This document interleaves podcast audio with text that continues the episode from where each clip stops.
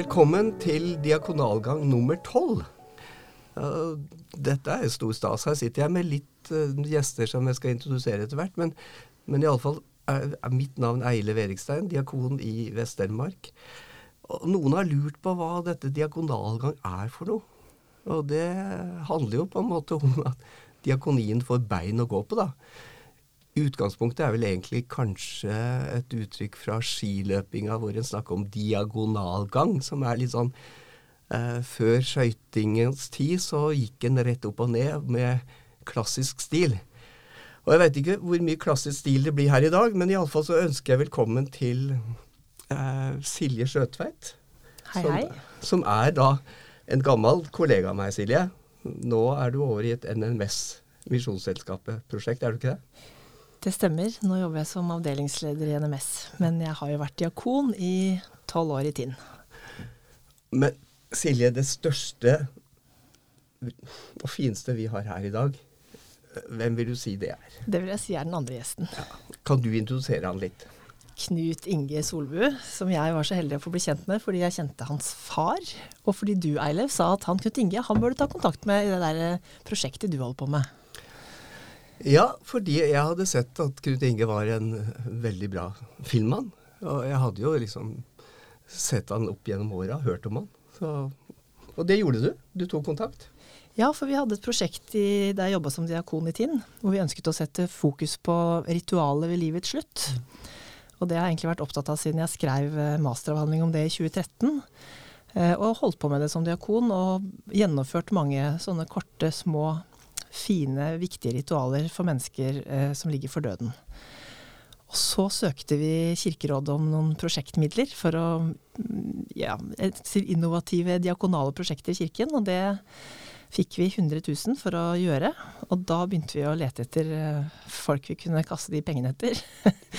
og, og, da var en av ideene å lage en liten videosnutt. Og så visste jeg at uh, sønnen til Ivar Solbu, som var en diakonkollega, jobbet i Fenomenfilm.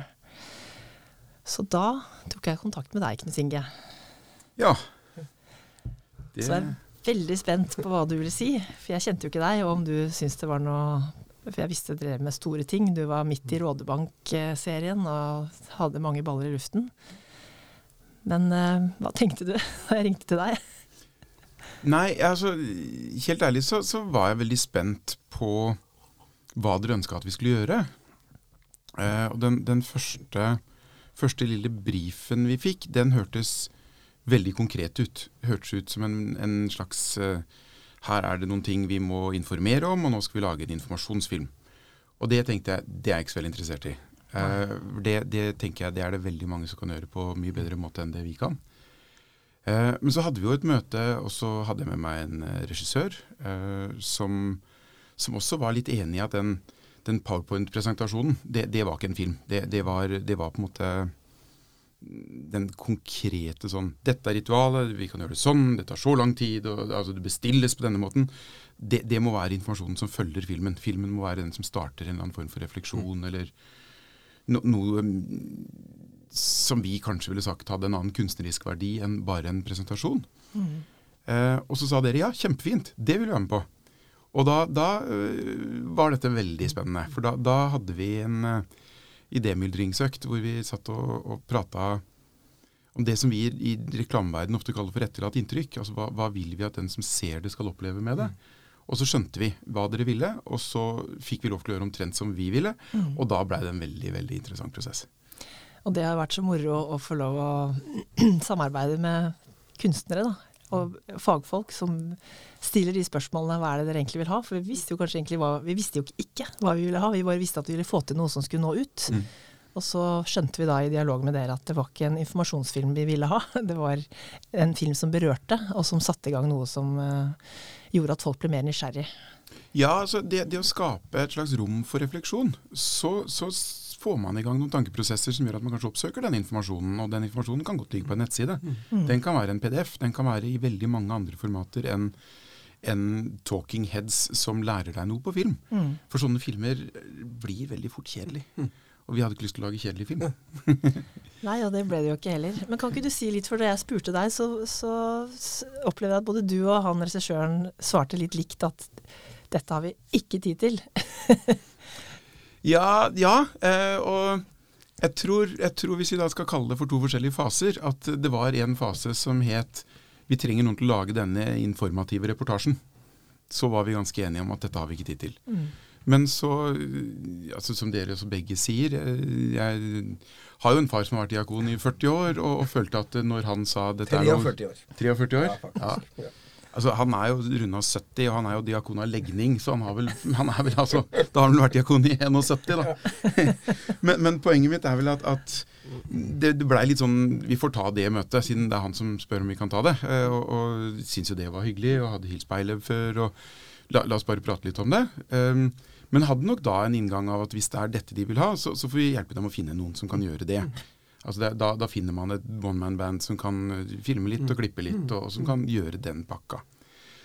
Men så, så er det jo noe med at eh, man, man, er del av veldig mange forskjellige prosjekter i løpet av et mm. år. Og det er, det er, veldig ofte forskjellig motivasjon for de prosjektene man gjør. Altså Noen ganger gjør man reklame som man gjør utelukkende fordi det skal betale regninger. Mm. Noen ganger så gjør man store dramating hvor man virkelig brenner for historien. Altså Rådebank, eh, sånn type eksempel som var veldig lett å hente en, en kunstnerisk motivasjon for å, å, jobbe hardt for. Men, men, men jeg, opplever at ja, kanskje dess eldre man blir, dess lenger man har vært med i dette gamet her, så, så, er balanse et ord som blir viktigere og viktigere. Og det, vi, vi, hadde dette idémyldringsmøtet som, som satte i gang noen tankeprosesser, eller den hva skal vi kalle det, altså den, den refleksjonsprosessen også på, på, vår side av bordet, mm. som, som, som, gjorde at det fylte et rom i den balansen. Og, og eh, Per Gunnar Røkland, som han heter, som, som har regi på dette her, vi, vi snakka mye sammen etter det møtet om hvor eh, stas vi syntes det var å få lov til å gjøre dette prosjektet. Mm. Altså det, dette her, det blei et prosjekt som var veldig viktig for oss å skulle gjøre på en ordentlig måte. Og det mm, det, vi la ned noen timer i det, for å si det sånn. For dette her hadde vi lyst til at skulle, skulle bli ordentlig. Knut Inge, det endte med at du fikk deg jobb i Tinn, gjorde du ikke? Ja, tenk på det. Du ble ansatt? Rett og slett. Som? Som diakon. Som diakon i Tinn? Ja, eller en slags diakon. En slags diakon. Jeg, jeg, tenker assistent er greit å ha med i tittelen her. Ja. Diakonimedarbeider i Tinn? Ja, greit. Fint det. Det er, det er gøyere å si diakon.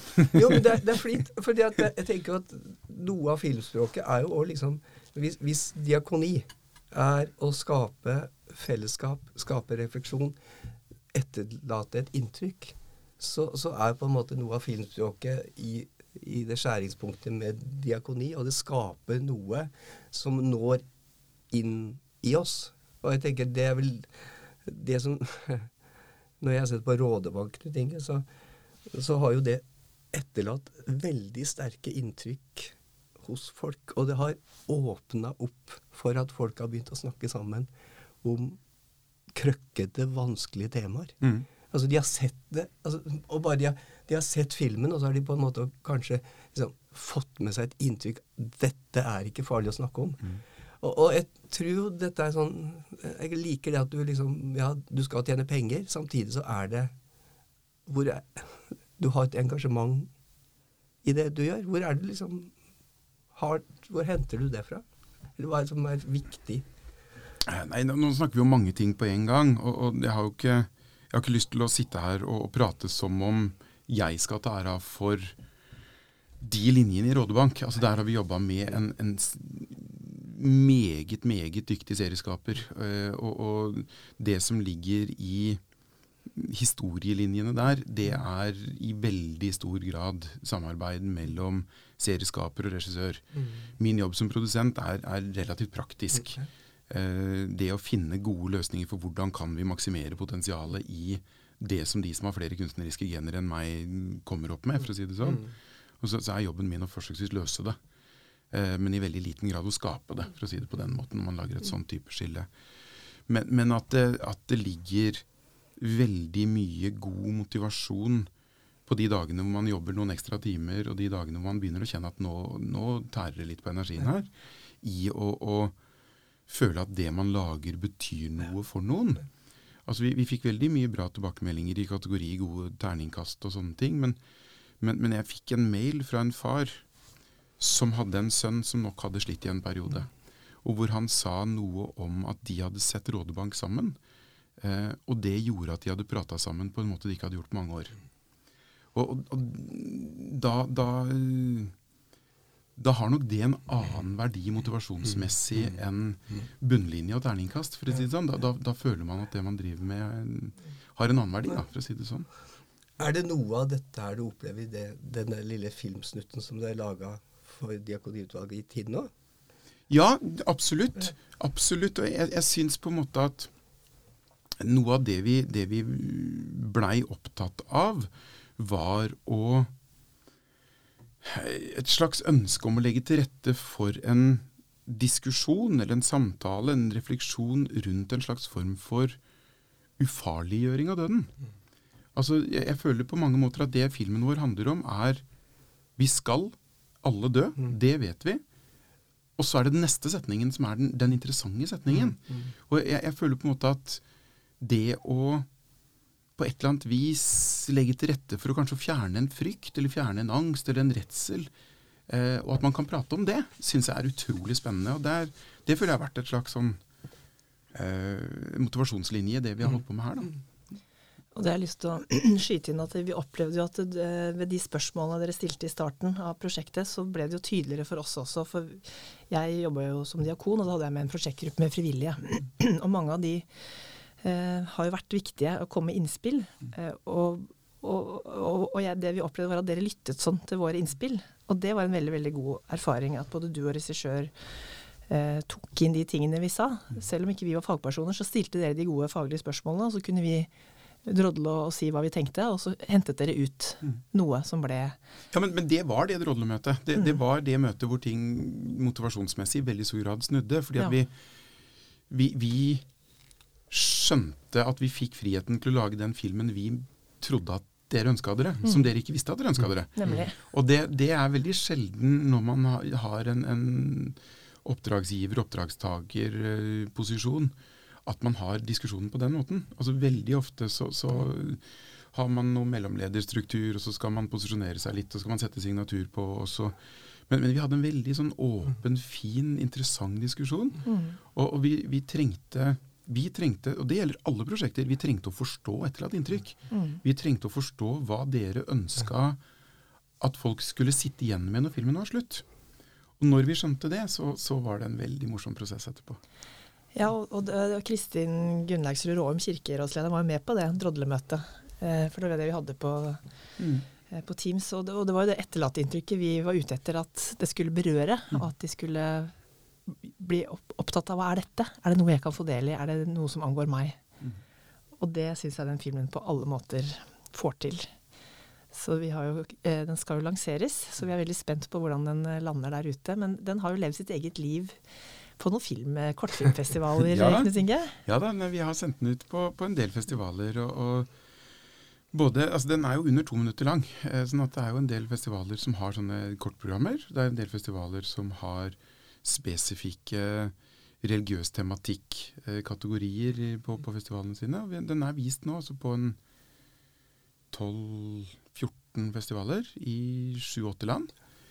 Så, så, det er veldig gøy, det. Og vunnet noen priser og fått litt skryt. og litt, eh, litt ja, det, er, det, er, artig å få tilbakemeldinger på, på det, det, universelle i den, for å si det sånn. Og det er jo gøye land. Det er India, Tyrkia, eh, Cannes. Chile. Chile vant en pris. Mm. Vi syns det er kjempestas at den lille snutten fra tiden liksom lever sitt eget liv der ute. Og det sier jo noe om kvaliteten av det som fenomen film har laga, da. Og så har vi hatt Kan jeg si litt mer om det, Ellef?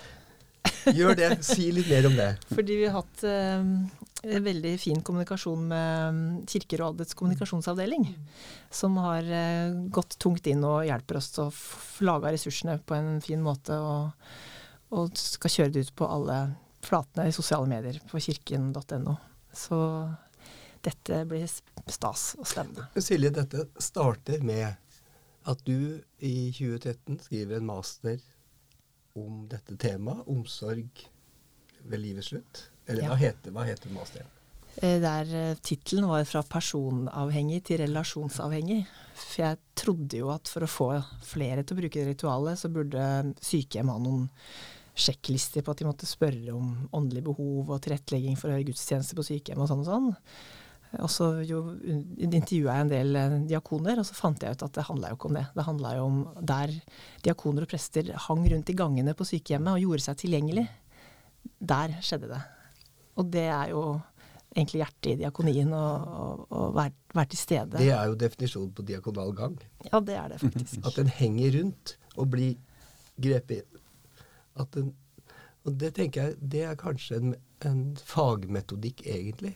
Men så tar du dette inn på et rom, og hva, hva er det som skjer rent konkret i i ritualet? I ritualet. Hva gjør dere? Altså det, det, står i gudstjenesteboka. Det har stått der i mange år, det bare, og det brukes, men ikke så, i så stort omfang som jeg hadde håpet. Så tenker jeg at det er eh, fint at det kunne skjedd. Og, og, det som skjer, er at man går inn i et rom der hvor den som ligger for døden, eh, ligger, og så er det pårørende som er med. Og i noen tilfeller så er den døende så bevisstløs at den ikke kan ta imot nattvær. Eh, men hvis den kan det, så kan man også legge inn nattvær i ritualet. Eller så handler det om å lese noen bibeltekster og be eh, noen bønner fra Bibelen, og så er det å synge en salmesang. Men, Og det velger jo da de pårørende en sang som betyr noe for dem. Mm. Og så har jeg med meg en liten krukke med olivenolje som jeg tegner i pannen til den som ligger for døden, uh, mens jeg lyser velsignelsen. Tegner korsets tegn.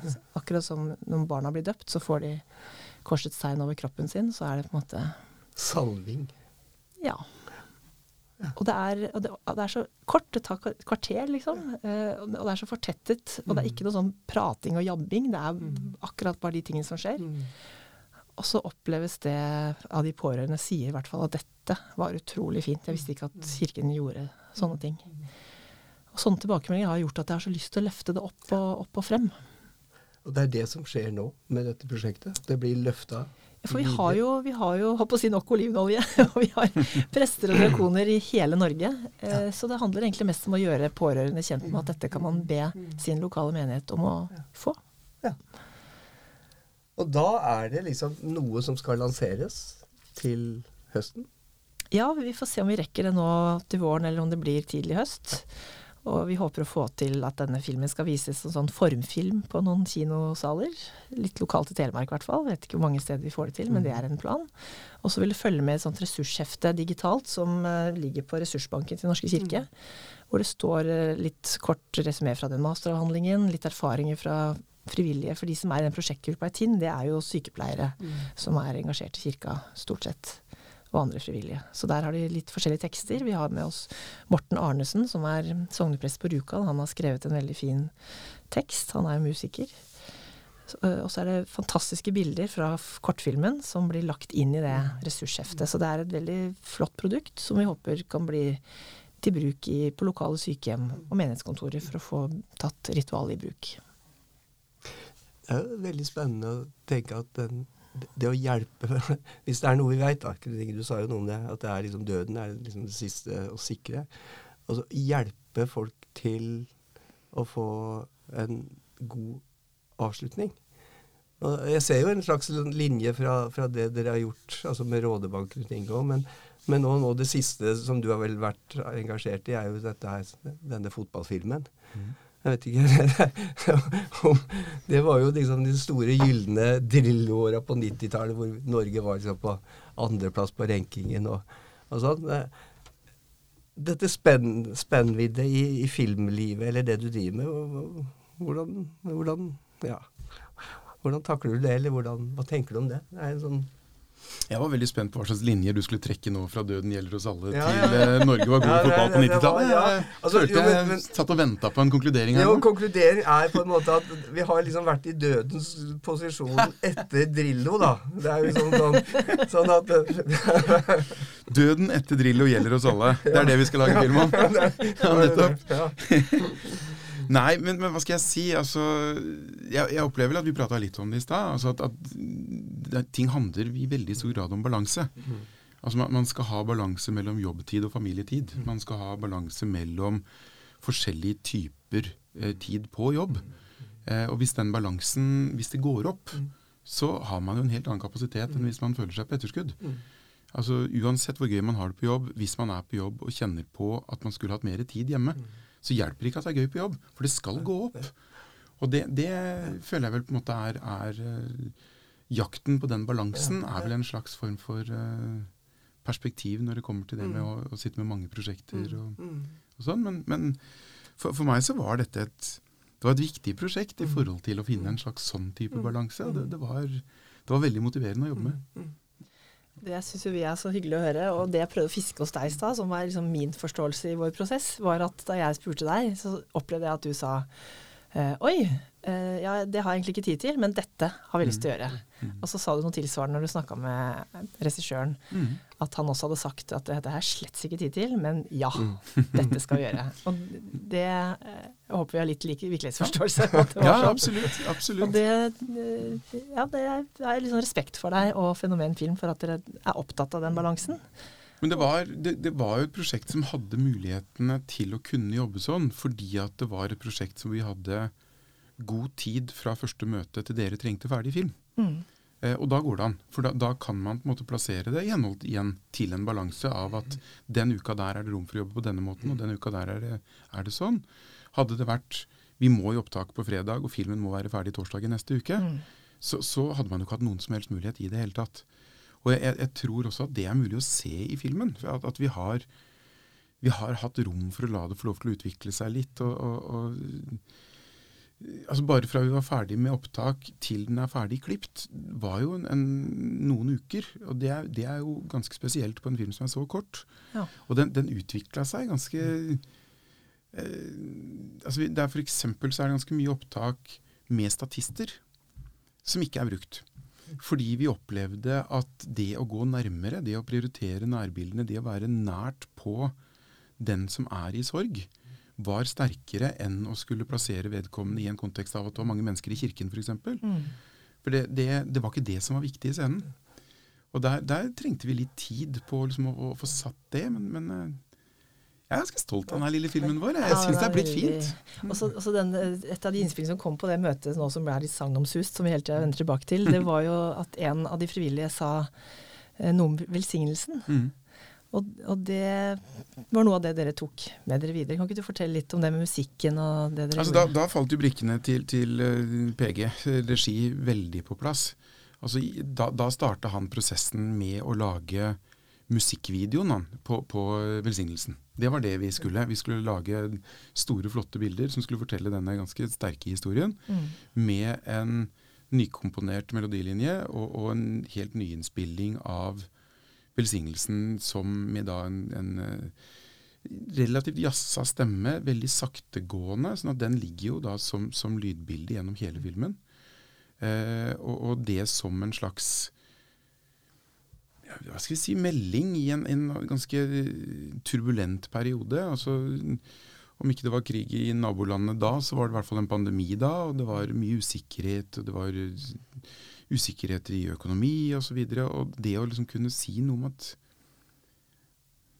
altså Vi sa det jo for så vidt i stad, men, men, det å, det å liksom da kunne forankre det i en slags ufarliggjøring, mm. som, som, som, føltes veldig godt fra det møtet. og Der, der følte jeg vi, vi visste hvilken vei vi skulle, og så, så begynte det å handle om produsentoppgaver på, på, hvordan kan vi praktisk fortelle dette. Altså vi, vi, visste at vi hadde lyst til å si noe både aldersmessig og geografisk eh, som skulle peke på alle. Mm. Så det er opptak fra, fra, Oslo sentrum, og det er opptak fra Lofoten, og det er, det er eh, ung kvinne som har mistet barn, det er gammel mann som har mistet sin eh, kone, det er, eh, det er um, mann som man kan se at nok har levd et ganske hardt liv, som, som er i ferd med å miste sin, og, og som så mister sin far.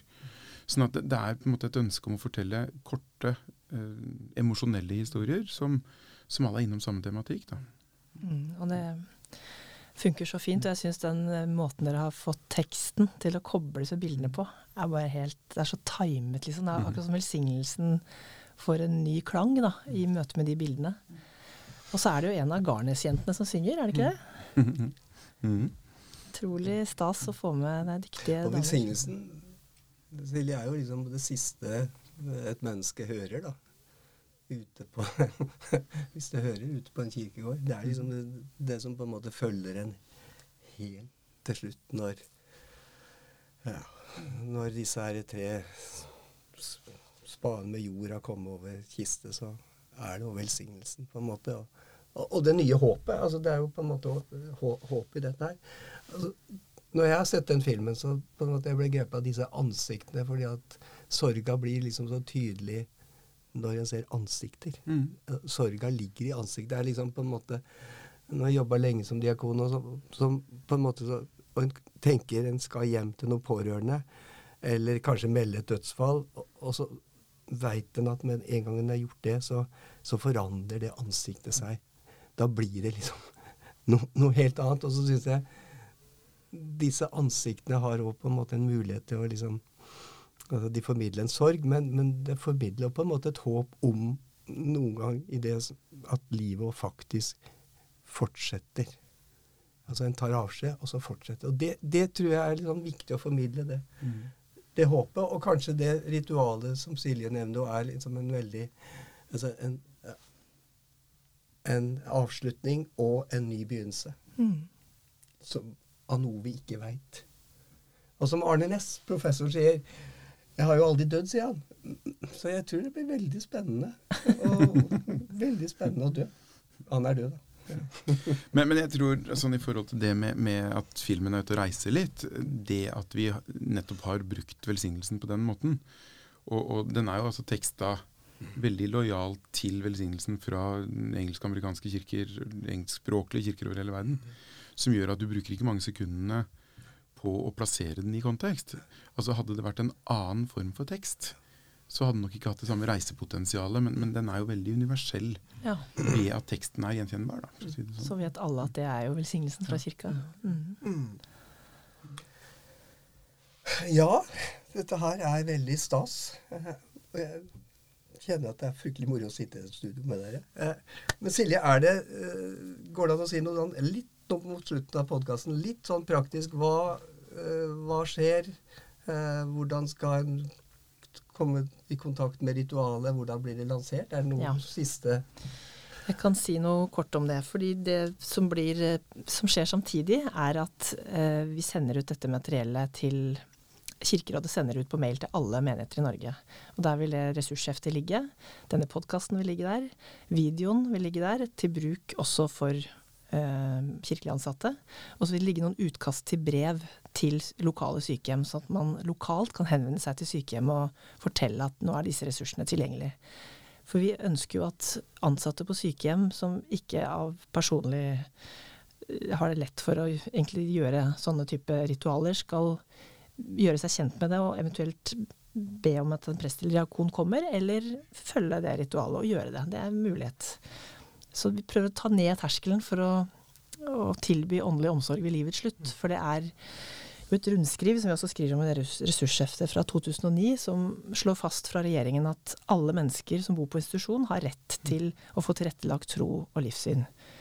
Eh, og det er ikke alle steder det skjer. Eh, det betyr egentlig i praksis at, hvis, eh, at alle som er på sykehjem skal bli spurt pleier du å hør på radioandakten, hør på gudstjenesten, vil du være med på andakten her på huset? Alle skal bli spurt om det, eh, i hvert fall hvis de har meldt inn at de er med i Norske kirke, eller Og så skal tilrettelegges for at de får eh, For det er, vi er hele mennesker. Vi trenger fysisk og psykisk og åndelig omsorg i alle livets faser. Men på et sykehjem er man mer prisgitt et institusjon. Så det, det er egentlig pakka som blir servert menighetene og som vi håper menighetene tar videre ut til eh, sykehjemmene. Kjempebra. Det blir veldig spennende. Eh, jeg tror vi skal rett og slett si at det var så langt vi kom i dag. Knut Inge Solbu, tusen takk for at du orka å sitte med oss her. Silje, vi har snakka om det. Dette var litt stas. Ja, dette var stas. Dette var stas. Takk for meg. Takk for oss.